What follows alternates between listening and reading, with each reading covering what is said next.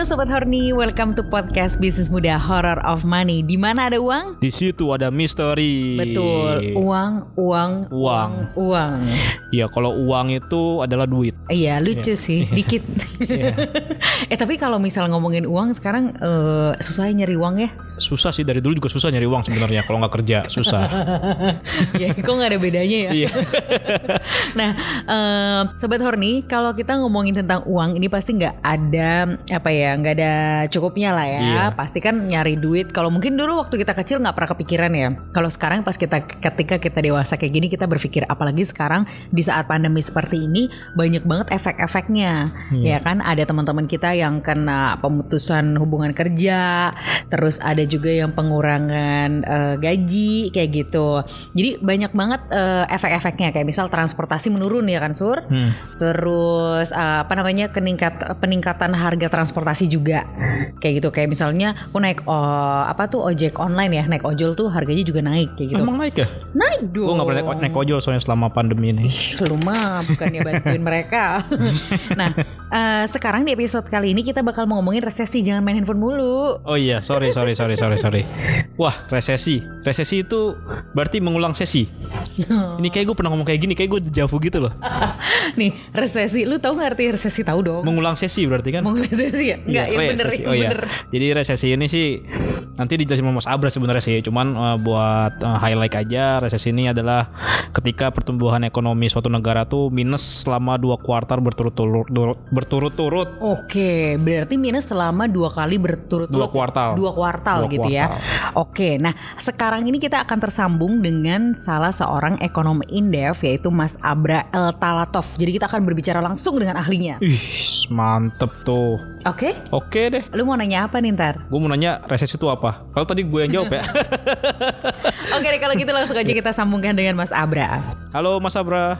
Halo Mbak. Ini kenalin Mas saya Siska. Dan saya Surya. Ya Mbak Siska, Mas Surya. Iya. Salam kenal. Iya Mas. Nah Mas eh, tadi kita udah ngobrol-ngobrol sih sama saya sama Surya tentang resesi. Mungkin bisa dijelasin dulu kali ya Surya. Iya, apa sih itu Mas resesi itu kan lagi heboh bangetnya eh, warganet dengan Indonesia terancam resesi. Nah, secara definisi sebenarnya resesi itu tuh apa sih Mas? Ya jadi secara literatur ekonomi, eh, resesi itu bisa eh, digambarkan kalau suatu perekonomian negara itu mengalami pertumbuhan negatif atau kontraksi berturut-turut eh, dalam dua kuartal. Ya, jadi misalkan eh, Indonesia kan baru satu kuartal nih mengalami pertumbuhan negatif di kuartal kedua kemarin minus 5,32 persen. Nah, jadi belum bisa disebut eh, resesi secara year on year. Jadi kuartal kedua 2020 dibandingkan kuartal kedua 2019. Tetapi kalau kita lihat pertumbuhan kuartal secara kuartal ya Q to Q, kita sebetulnya dalam empat kuartal terakhir udah menurun dari mulai eh, triwulan ketiga 2019. Nah, cuman secara kesepakatan eh, umum memang belum terjadi resesi. Nah, tapi kalau kita melihat betapa besarnya dampak eh, pandemi COVID-19 terhadap seluruh negara sampai hari ini itu sudah kurang lebih 44 negara di dunia sudah masuk zona resesi. Ada negara yang dari mulai kuartal 1 kuartal kedua udah negatif. Gitu. Indonesia termasuk negara yang masih selamat nih di kuartal kedua. Tetapi di kuartal ketiga kemungkinan besar ya hampir seluruh eh, apa kalangan bahkan pemerintah sendiri Ibu Sri Mulyani kemarin juga cukup pesimis kita bisa selamat dari resesi di kuartal ketiga. Jadi ada eh, proyeksi kita mungkin eh, kuartal 3 itu minus minus 0,2 persen. Kalau Indef proyeksinya di kuartal ketiga itu antara minus 1 sampai minus 1,7 persen tergantung eh, apa ke intervensi yang dilakukan pemerintah untuk meng- untuk menahan supaya kontraksinya nggak lebih dalam. Oh iya Mas, kalau misalkan nih kalau dalam kalau kejadian resesi, kalau terjadi resesi sebenarnya eh, apa sih yang harus masyarakat lakukan dampak itu ke mikro tuh sebesar apa sih Mas resesi itu? Jadi kan eh, resesi ini sebenarnya menggambarkan bahwa masyarakat baik dari sisi konsumen maupun dari sisi masyarakat eh, produsen itu kan mengalami tekanan ya. Nah jadi memang eh, kita harapkan resesinya bisa eh, cepat berlalu. Jadi ada uh, semacam optimisme baru di kuartal keempat dan di awal tahun depan uh, oleh masyarakat dan juga oleh produsen supaya kembali bergeliat. Nah, jadi yang kita uh, harapkan kepada masyarakat ya agar jangan terlalu khawatir atau cemas terhadap terjadinya resesi. Jadi ini resesi ini memang siklus yang normal ketika memang ada tekanan yang cukup uh, apa besar. Nah, dalam hal ini kan tekanan dari sisi uh, kesehatan dan di luar uh, prediksi ataupun uh, apa sangkaan banyak orang itu unpredictable. Nah, inilah yang harus didorong supaya optimisme itu tetap dibangun uh, sehingga daya beli atau konsumsi itu tetap pulih lagi dan ketika demand itu meningkat otomatis juga dari sisi supply juga terpacu untuk mulai uh, apa menggerak atau bergeliat lagi gitu. Kalau efeknya sendiri Mas kalau tadi kan uh, apa namanya kalau ini kan kebetulan podcast ini banyak didengerin anak muda ya yang mungkin masih awam juga dampak resesi yang paling uh, terlihat nyata gitu nanti yang awal-awal biasanya yang akan dialami oleh warga masyarakat tuh seperti apa sih Mas kalau yang bisa kita gambarkan gitu? Tentu ini kan resesi mencerminkan pendapatan uh, secara nasional ya yang digambarkan oleh PDB itu menurun. Ini kan mencerminkan bahwa semakin uh, banyak masyarakat itu uh, mengalami penurunan daya beli atau penurunan konsumsi. Nah, penurunan konsumsi ini sebetulnya ada dua kemungkinan. Kemungkinan memang penghasilan mereka menurun, jadi ada sebagian kelompok masyarakat yang uh, mungkin sudah ter-PHK atau sudah dirumahkan. Kalau yang informal mungkin omset mereka menurun. Yang kedua, ada juga kemungkinan masyarakat yang memang masih memiliki penghasilan tetap ya kelas menengah ataupun kelas atas tapi mereka mengerem belanja. Karena tadi ada sisi apa namanya menjaga uh, diri karena mereka khawatir untuk keluar untuk spendingnya lebih terbatas lah. Nah jadi uh, itu gambaran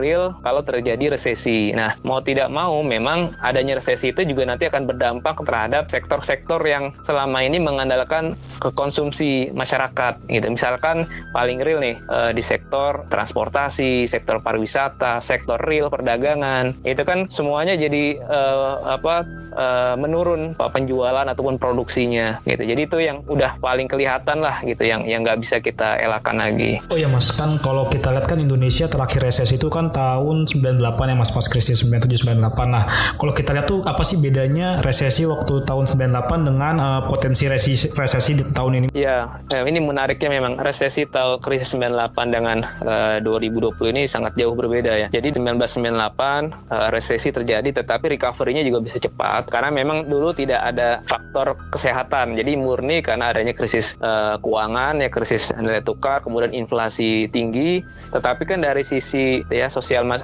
ekonomi masih normal mm-hmm. gitu ketika pemerintah melakukan berbagai intervensi kebijakan, stimulus-stimulus, uh, apa ada reformasi besar-besaran di bidang ekonomi di tahun 98 99 sehingga uh, proses recovery-nya juga uh, terbilang cepat dan uh, konsisten dalam tahun-tahun berikutnya. Nah, di tahun 2020 2021 ini kan memang cukup menantang meskipun pemerintah sudah menyiapkan berbagai macam stimulus ya, kemudian juga uh, subsidi, bantuan-bantuan, tetapi itu kan itu saja tidak cukup untuk mengembalikan normalitas uh, kegiatan masyarakat dan juga pelaku usaha. Nah, itu yang sangat membedakan sekali. Jadi uh, harapan atau ekspektasi kita terhadap pemulihan ekonomi pun tidak bisa berdiri sendiri kita bicara instrumen ekonomi, tapi juga kita harus bicara mengenai faktor kesehatan. Sejauh mana nih penanganan COVID di Indonesia dan di dunia itu bisa uh, teratasi dengan baik, terutama di Indonesia karena kita lihat kasus penyebaran COVID di Indonesia masih sangat tinggi dibandingkan negara-negara lain,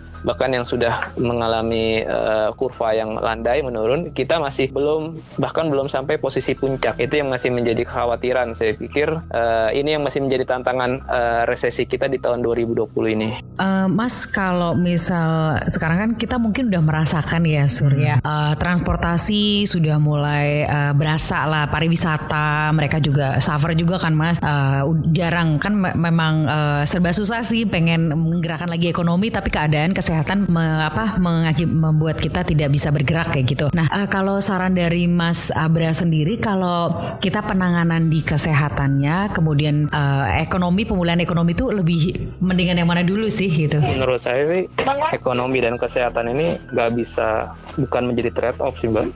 Jadi uh, ini dua hal yang harus jalan bersamaan, mm-hmm. gitu. Jadi uh, kesehatannya penting, ekonomi juga penting. Jadi bukan dilema. Jadi kita nggak ada pilihan. Nah, cuman memang supaya ekonominya uh, proses recovery-nya tetap berjalan dengan sesuai dengan harapan, kesehatannya juga harus digenjot ini, Mbak. Nah, caranya apa? Nah, caranya nih masalahnya tantangan penanganan COVID di kita ini jumlah testing uh, untuk uh, swab atau PCR ya di Indonesia itu masih relatif kecil, sangat kecil sekali dibandingkan negara-negara di ASEAN bahkan. Nah, itu yang menjadi juga uh, mengapa banyak muncul kasus-kasus baru yang hari-hari uh, ini terus mengalami rekor bahkan terakhir itu lebih dari 3000 kasus per hari gitu. Jadi pertama testing, tracing, kemudian baru yang ketiga adalah bagaimana protokol-protokol itu bisa dijalankan dengan uh, konsisten oleh seluruh masyarakat itu Mbak. Perjalanan dengan itu ekonominya juga tetap harus tetap diperbolehkan dibuka, tapi selama tadi masyarakat tetap taat dengan uh, protokol COVID-19. Nah, masalahnya kan yang kita cemaskan ya, sudah mulai muncul nih uh, khawatiran terjadi klaster COVID baru di uh, industri di pabrik-pabrik padahal sek padahal sektor-sektor itu menjadi sektor yang uh, kita harapkan nih sebagai pendorong pemulihan ekonomi. Nah kalau industri atau pabriknya udah ada klaster kan otomatis terjadi pengurangan kapasitas produksi dan sebagainya. Nah itu justru akan memperlambat uh, proses recovery kita dan juga proses uh, penanganan COVID-19 di Indonesia. Berat ya. Berat ya.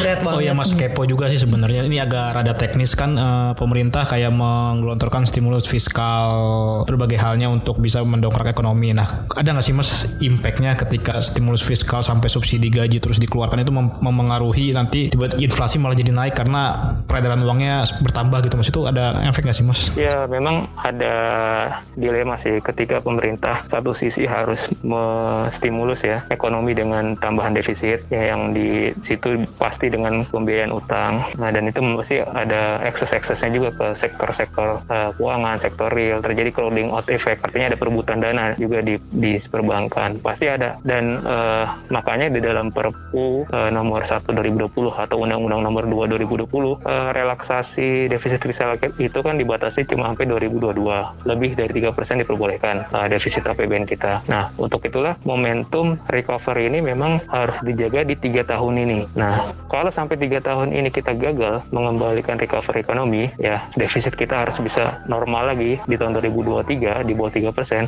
sedangkan ekonominya belum normal, sektor real, sektor UMKM belum normal, penerimaan pajak kita nggak bisa normal lagi kayak sebelum COVID, itu bahaya. Itu menjadi resiko fiskal kita ke depan. Sekarang ini kan pemerintah dan DPR sedang membahas RAPBN 2021. Nah ini juga menjadi pertaruhan juga nih uh, bagi kita semua untuk mengawal atau memastikan stimulus-stimulus ekonomi itu melalui APBN harus tepat sasaran ya, terus juga uh, tepat waktu dan tidak kalah penting. Jadi anggarannya udah dianggarin nih Mas yang 2020 ini 695 triliun uh, program pemulihan ekonomi nasional. Tetapi baru terserap 25 persen hmm. sampai bulan Agustus. Jadi kan anggaran udah disiapkan, pemerintah udah narik utang besar-besaran sampai utang itu kelebihan 150 triliun mas. Jadi namanya silpa. Hmm bisa lebih pembiayaan anggaran. Jadi dananya udah disiapkan nih sama Kementerian Keuangan 150 triliun lebih. Itu belum terserap. Nah, padahal uang yang sudah dipinjam itu kan harus dibayar bunga nih. Setiap bulan kan ada bunganya. Nah, kan jadi nganggur, jadi kos untuk uh, APBN. Itu yang jadi salah satu resiko juga kalau stimulusnya tidak bisa dieksekusi secara cepat. Iya, iya, iya, iya. Ya. Emang klik sih Mas ya. Ini COVID nih yang tiba-tiba nyerang 2020 nih.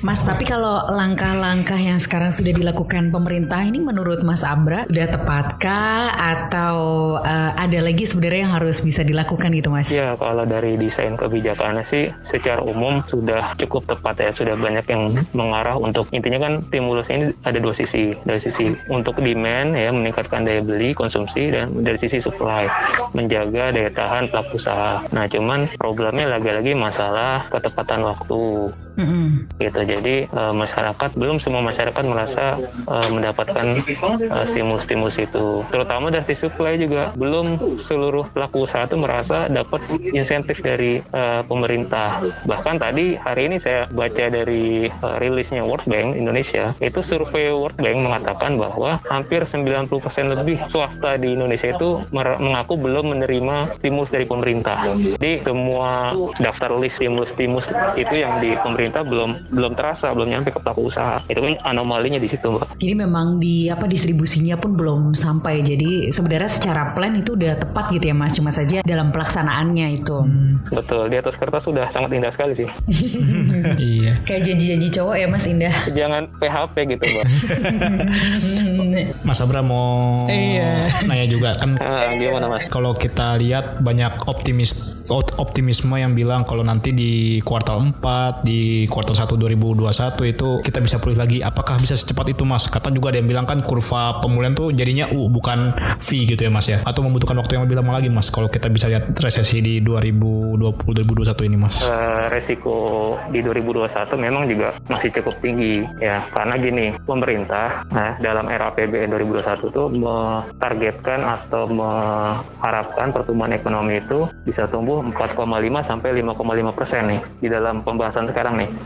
Jadi bayangin hari tahun ini diprediksi tahun 2020 itu 0,2 persen, tahun depan udah sangat optimis pemerintah bisa tumbuh 4,5 sampai 5,5 persen. Nah masalahnya kan dengan adanya optimisme pertumbuhan ekonomi itu pemerintah juga mematok target penerimaan pajak yang tinggi juga dong, naik 5 naik 5 persen. Karena kan asumsinya wah ekonomi udah mulai pulih, masyarakat udah bisa bayar pajak lagi nih, makanya dipasang tumbuh 5 persen. Nah masalahnya apakah secepat itu masyarakat bisa pulih ya? Dan apakah tahun 2021 masalah COVID ini sudah betul-betul selesai? Iya, kita kayaknya harap bayangan kita semua kita masih masih cemas gitu. Karena vaksinnya aja kan belum tentu awal 2021 itu bisa uh, mulai uh, apa ada dan diproduksi kan gitu. Jadi masalah vaksin juga kan sekarang masih jadi tantangan di seluruh negara gitu. Nah, resikonya tadi kalau sampai ternyata ekonomi kita di 2021 nggak bisa uh, ke 5 persen, uh, cuma mungkin satu atau dua persen, ya otomatis kan pajak kita juga rendah. Nah, pemerintah nanti dari mana dana untuk me- memberikan uh, bantuan-bantuan stimulus-stimulus tadi. Lagi-lagi pasti resikonya untuk dengan menambah defisit ut- fiskal, menambah utang lagi. Kalau utangnya nambah, lagi-lagi nanti juga akan jadi bom waktu bagi APBN. Ini gambaran mudahnya gini deh. Kan selama ini kita mungkin ngerasa uh, ditakut-takuti kenapa sih pemerintah nggak boleh utang kan utang itu bagus buat hal yang produktif kan. Rasio utang kita masih aman kok, cuma 30% terhadap PDB negara lain, negara maju ada yang 100% lebih. Masalahnya beban hutang ini terhadap dibayang, digambarkan dari rasio bunga utang bunganya aja dengan belanja pemerintah tahun 2014 jadi APBN kita belanja pemerintah pusat itu cuma 14% disisihkan buat bayar bunga utang. Ibarat nih kita rumah tangga 14% tuh buat bayar bunga utangnya aja. Nah tahun 2020 ini itu udah 18% 2021 jadi 19% Eh, total pengeluaran kita itu buat bayar bunga utang. Jadi setiap tahun APBN kita tuh makin tergerus buat bayar bunga utang. Itu yang menjadi resiko kalau eh, ekonomi kita nggak segera pulih pajak kita nggak bisa pulih sehingga pemerintah hanya mengandalkan defisit dengan utang. Kalau itu terus menerus, tadi APBN kita lama-lama tersedot untuk bayar bunga utang dan pasti harus ada yang dikorbankan dong. Harus ada pos belanja lain yang dikurangin. Yang paling mungkin dikurangin adalah belanja-belanja yang berkaitan dengan masyarakat, belanja subsidi, gitu salah satunya atau belanja bantuan sosial. Karena belanja-belanja rutin atau belanja mandatori kan udah nggak mungkin dipotong lagi. Iya, betul sih. yang rame premium yang mau dihilangin premium mau dihilangin terus apa misalnya eh, ya ada beberapa bentuk program subsidi itu yang tahun depan tuh mau dikurangin itu subsidi non energi salah satunya apa? Yang paling tragis. Apa itu Mas? Program bantuan untuk kur. Waduh. Itu anggarannya dipangkas tahun depan habis-habisan. Padahal kan kur itu sangat berarti buat iya. UMKM kan. Katanya mau nolongin sektor real, menolongin UMKM. Tapi kenapa anggarannya dipotong tahun depan? Nah itu. Jadi nggak konsisten dalam eh, sisi kebijakan anggaran. Iya mas, ya kan terkait tadi, tadi kayak seperti kuota kur yang untuk mendongkrak UMKM dipangkas demi bisa menutup apa men- menambal defisit. Artinya berarti kan eh, untuk mengejar target ekonomi 5% di tahun depan itu jadi kayak sesuatu yang mustahil gitu ya mas ya karena pergerakan ya rodanya kan jadi lebih, lebih lambat dibandingkan iya, tahun ini. iya, Padahal tahun iya. ini kayak kur dikasih bunga 0% gitu. Tahun depan malah dipangkas kuotanya gitu ya. Iya. Eh kalau ini Mas apa namanya kira-kira Mas kalau tadi kan bayangannya 2021 itu masih belum selesai gitu ya. Kita kan kalau menurut prediksi Mas ini kita mau selesai kapan Mas?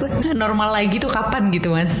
Mm-mm, mm-mm. Ya kita sih maunya secepat mungkin ya tahun depan itu bisa mulai recover ya. Artinya juga recovernya nggak muluk-muluk lah, nggak nyampe 5% juga gitu. Orang ibarat habis sakit kan nggak bisa langsung dipaksa lari, jalan dulu. Orang kan recover recovery juga kan perlu adaptasi dulu kan. Nggak bisa langsung disuruh lari ke kondisi normal itu 5% loh. Kondisi kita sebelum COVID 5%. Artinya kan ya mestinya juga pasang targetnya juga yang rasional lah gitu. Mungkin 1-2%. Itu juga kalau eh, masyarakat sektornya udah mulai bergeliat lagi, konsumsi udah mulai eh, positif lagi dan stimulus pemerintah juga bisa dirasakan oleh masyarakat gitu. Jadi memang eh, sangat penting sih bagaimana menjaga eh, proyeksi yang rasional yang pada akhirnya itu akan menggambarkan kredibilitas kebijakan anggaran kita. Karena kalau kita pasang target terlalu muluk-muluk, otomatis nanti penerimaan kita akan tinggi, belanja kita juga naik, belanja kementerian lembaga naik 23% loh. Gitu. Padahal kan di saat situasi sulit kalau kita rumah tangga aja, saya kan kita ikut pinggang kan, efisiensi kan. Kalaupun kita pemerintah punya eh, justifikasi ya harusnya pemerintah countercyclical dong, eh, ekspansif gitu kan anggaran. Iya, kalau anggaran benar ditujukan buat eh, sektor real, buat konsumsi rumah tangga. Tapi yang saya lihat kenaikan belanja kementerian lembaga 23% itu paling tinggi itu kenaikan untuk belanja barang tuh, bukannya belanja modal. Jadi harusnya kan belanja modalnya yang diperbanyak, belanja sosial. Ini belanja barang tuh maksudnya pemerintah ya pengadaan-pengadaan barang buat kantor dan lain-lain. Bahkan eh, pemerintah sih udah ngalokasin tuh alokasi buat eh, subsidi pulsa ya kalau Iya iya iya. Oh iya. Buat PNS buat betul. guru. Hmm. empat ratus ribu kalau nggak salah ya. Hmm. Nah itu kan gede banget gitu. Lumayan mas. lumayan lah kan per berapa gitu kan buat masing-masing PNS. Artinya PNS sudah dipikirkan, tetapi kan masyarakat secara umum gimana nih eh, bentuk dukungan-dukungannya. Harapannya tetap 2021 bisa pulih, tapi pulihnya juga yang rasional gitu, supaya menggambarkan eh, kredibilitas kebijakan kita juga. Oh ya Mas mau nanya juga nih terkait eh, yang kemarin juga lagi rame tentang subsidi gaji ka- karyawan swasta kan yang di bawah 5 juta. Kira-kira dari subsidi gaji itu bisa berefek seberapa besar sih untuk meredam penurunan ekonomi sepanjang tahun ini Mas? Iya, nah ini lagi-lagi yang saya sanksi ya, subsidi gaji itu bisa menolong atau me- meningkatkan konsumsi rumah tangga. Ini kan yang digaji adalah pekerja formal yang gajinya di bawah 5 juta ya. Artinya kan penghasilan mereka sebenarnya nggak terganggu gitu kan. Dengan adanya subsidi gaji ya 2,4 2,4 juta ya selama 4 bulan. Itu kan kemungkinan besar pekerja ini nggak akan membelanjakan duitnya, pasti disimpan buat jaga-jaga. Iya ini Iya, banyak yang kes- diprediksikan seperti ini sih. Ya betul kita lah sebagai kita pribadi lah kalau dapat bantuan itu kan kita juga nggak mungkin nambah belanja kita kan. Tapi normal-normal aja. Bahkan selama covid kita belanja udah ngerem. Sebelum ada bantuan pemerintah pun eh, konsumsi kita udah kita rem kan yang nggak penting-penting kita tahan gitu. Karena kita khawatir di tahun depan yang swasta-swasta tadi apakah eh, perusahaan kita masih tetap bertahan? Apakah ada kenaikan-kenaikan barang dan kelangkaan-kelangkaan barang dan sebagainya? Jadi secara eh, langsung dampaknya memang nggak akan cukup efektif untuk meningkatkan daya beli eh, atau meningkatkan konsumsi rumah tangga. Di mana 55% eh, ekonomi kita memang ditopang sama konsumsi rumah tangga. Nah, mestinya memang yang disasar itulah masyarakat yang betul-betul udah mengalami gangguan ke penghasilan, ke sumber penghasilan yang udah di PHK, yang sudah dirumahkan, yang gajinya benar-benar udah dipotong. Nah, harusnya kan pemerintah fokusnya ke situ. Sedangkan yang PHK aja kemarin mereka berharap-harap cemasnya di program kartu prakerja. Banyak yang mereka malah belum eh, apa dapat eh, kesempatan buat ikut program kartu prakerja dan mereka harus ikut seleksi lagi, harus beli kuota lagi buat ikut programnya, harus ikutin prosesnya panjang. Tapi yang pekerja formal tadi dengan mudah karena mereka udah terdata di BPJS Ketenagakerjaan bisa instan dapat 2,4 juta gitu. Jadi memang ini agak anomali sih. Iya iya iya setuju sih mas kalau itu. Agak gimana ya? Gimana gitu? Jadi ini malah menimbulkan cemburuan juga sih. Terus perusahaan-perusahaan mana aja yang dapat kan kita juga nggak tahu masalah transparansi. Iya itu dia. itu dia mas. Itu kita nggak tahu lah maksudnya kita main eh, apa jelek-jeleknya aja ya. Itu yang dikasih apakah betul pekerja yang eh, gajinya di bawah 5 juta? Gimana eh, masalah verifikasi datanya? Kita nggak kan ini butuh cepat. Nah karena kecepatan kecepatan inilah khawatir eh, itu jadi ada celah buat eh, melakukan eh, penyimpangan-penyimpangan tadi penyimpangan penyimpangan anggaran program. Iya iya iya iya. Betul juga sih ya. Kita juga nggak tahu seleksinya gimana. Betul. Karena kan cuma terbatas kan ada kuota cuma 13 juta pekerja ya. ya. Kriteria seperti apa gitu. bikin miris lagi kan ini kan datanya berdasarkan BPJS ketenaga kerjaan Mm-mm. Nah, banyak juga keluhan dari pekerja dari buruh itu, banyak juga buruh yang nggak didaftarkan oleh perusahaannya di BPJS Ketenagakerjaan. Selama ini pengawasan atau sanksi dari pemerintah juga nggak ada. Nah, artinya buruh yang pertama mereka udah nggak didaftarin BPJS, haknya mereka. Kedua, mereka akhirnya nggak dapat subsidi itu karena perusahaannya nggak mendaftarkan mereka ke BPJS. Jadi mereka tuh dapat kerugian dua kali. Kadang-kadang mal- malah mereka tuh yang gajinya di bawah UMR malahan biasanya yang tidak didaftarkan. Iya, yang membutuhkan malahan. belum ya perusahaan-perusahaan apa yang pekerjaannya outsourcing Iya. mungkin mungkin mereka nggak akan dibayarkan BPJS itu Maka- padahal jumlahnya lebih banyak yang sourcing Oke deh, seru banget nih kayaknya kita ngobrolin tentang resesi ya. Iya, Mas. Jadi pusing malahan. Tapi ya kita jadi bisa memprediksi sih. Maksudnya kita bisa menahan diri kita, terus kita harus ngapain, kita jadi lebih tahu Tapi harusnya. justru kita harus belanja loh Mas ya, Mbak Sis ya. sekarang kan lagi rame nih kampanye beli jualan temen gitu kan Oh iya. kampanye-kampanye gitu ya itu emang real sih kita emang mau nggak mau ya harus beli ya nih lagi-lagi nih solusi yang apa konkret juga supaya ngedorong pemerataan ya daya beli masyarakat ya. Bagaimana UMKM ini di eh, apa penjualannya dibantu oleh pemerintah. Jadi kalau selama UMKM yang mereka penjualannya turun ya nggak akan bisa terbantu. Nah salah satu kan yang diwacanain memberikan kesempatan UMKM untuk bisa akses ke pengadaan ataupun eh, apa namanya eh, pro- proyek-proyek di BUMN yang di bawah 14 miliar. Janji atau wacananya Pak Menteri Pak Erik gitu kan. Cuman kan ini yang harus dibuktikan. Jangan hanya asal gimmick atau asal angin surga aja gitu. Karena itu yang ditunggu-tunggu sih gimana sih mekanisme UMKM bisa ikut lelang 14 miliar di UMKM itu kan kita buta sekali tuh informasinya.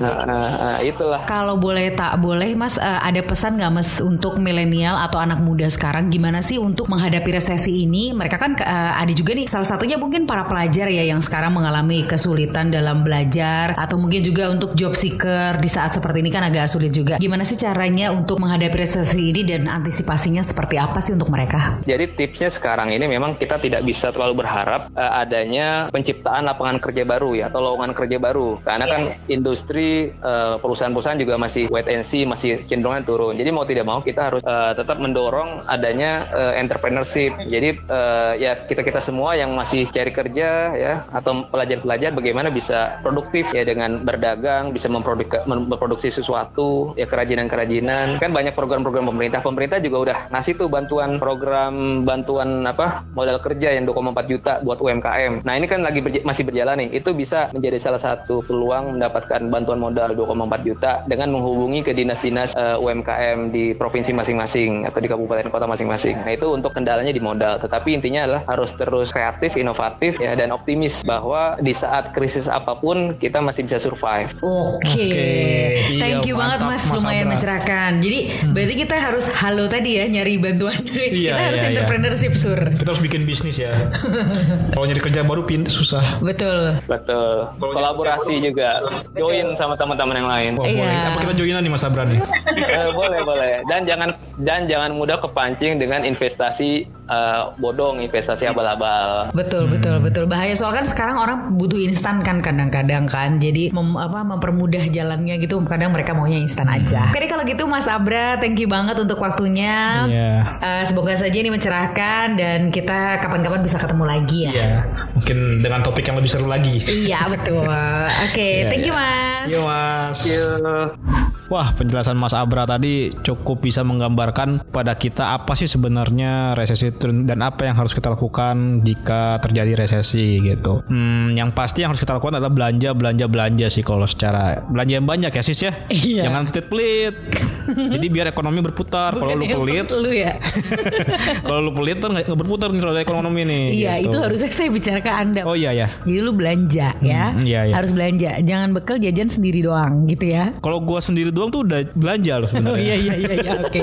Nah, tadi eh, dari obrolan kita sama Mas Abra itu eh, kita jadi tahu kalau resesi itu bener-bener apa ya? Kalau bahasa anak sekarang it's happening, it's happening. Iya, mungkin lagi trending ya, lagi viral nih. Betul. Lagi viral Berarti kita banget. kan harus mengantisipasi walaupun eh, pemerintah sudah menyiapkan beberapa kebijakan-kebijakan. Hmm. Tapi ada juga tadi kebijakan yang nggak nyampe. Misalnya teman-teman yang nggak punya BPJS ketenaga kerjaan, Iya. nggak terdata. Waduh. Seperti itu. Jadi tidak tepat sasaran lah ibaratnya ya. Betul kayak gitu makanya buat teman-teman yang denger ini mungkin juga harus bersiap-siap kayak tadi salah satu tips dari Mas Abra itu jualan Jualan kita harus berbisnis, kita menjadi entrepreneur. betul Bekerja 24 jam. Kayak produser saya. Emang ngapain aja sih Mol? Oke deh kalau gitu eh, semoga aja eh, obrolan kita tadi itu bermanfaat untuk pendengar bis, eh, bisnis muda. Dan semoga juga ekonomi Indonesia ini bisa segera pulih dan Covid juga bisa segera tiada biar kita bisa liburan. Betul. Stres enggak lu? Di rumah terus kerja, di rumah kerja, di rumah gitu kan. Enggak sih gue main dikit-dikit lah. Oh iya main gua enggak sih. Gua gua protokol kesehatan untuk menjaga jumlah Apa? positifnya Oh iya, tidak bagus, bertambah bagus. jadi bagus bagus bagus. Oke deh kalau Iya. gitu eh, sobat Horni thank you banget untuk episode kali ini kita udah diskusi tadi dan juga buat teman-teman yang punya cerita-cerita tentang seputar keuangan gitu Hmm. ya, mungkin juga pengen dipertemukan atau mungkin ingin bertanya langsung gitu Iya. ya ke regulator gitu. Ini bener apa enggak mungkin nanya ke Siska gitu, ke gua juga bisa. tentang apa? Ya nanya apa aja kan nggak harus keuangan. Boleh boleh boleh. Itu langsung aja email ke untuk mimin at bisnismuda.id. Nanti cerita yang menarik bakal kita undang untuk nge-podcast bareng sama kita. Mantep. Nanti kalau ada apa-apa juga bisa kontak ke surya.vicom at gmail.com ya. Oh iya berbayar tiap ya Pakai colongan lagi. Oke deh kalau gitu sobat. Horni sampai ketemu lagi di episode berikutnya. Bye. Bye.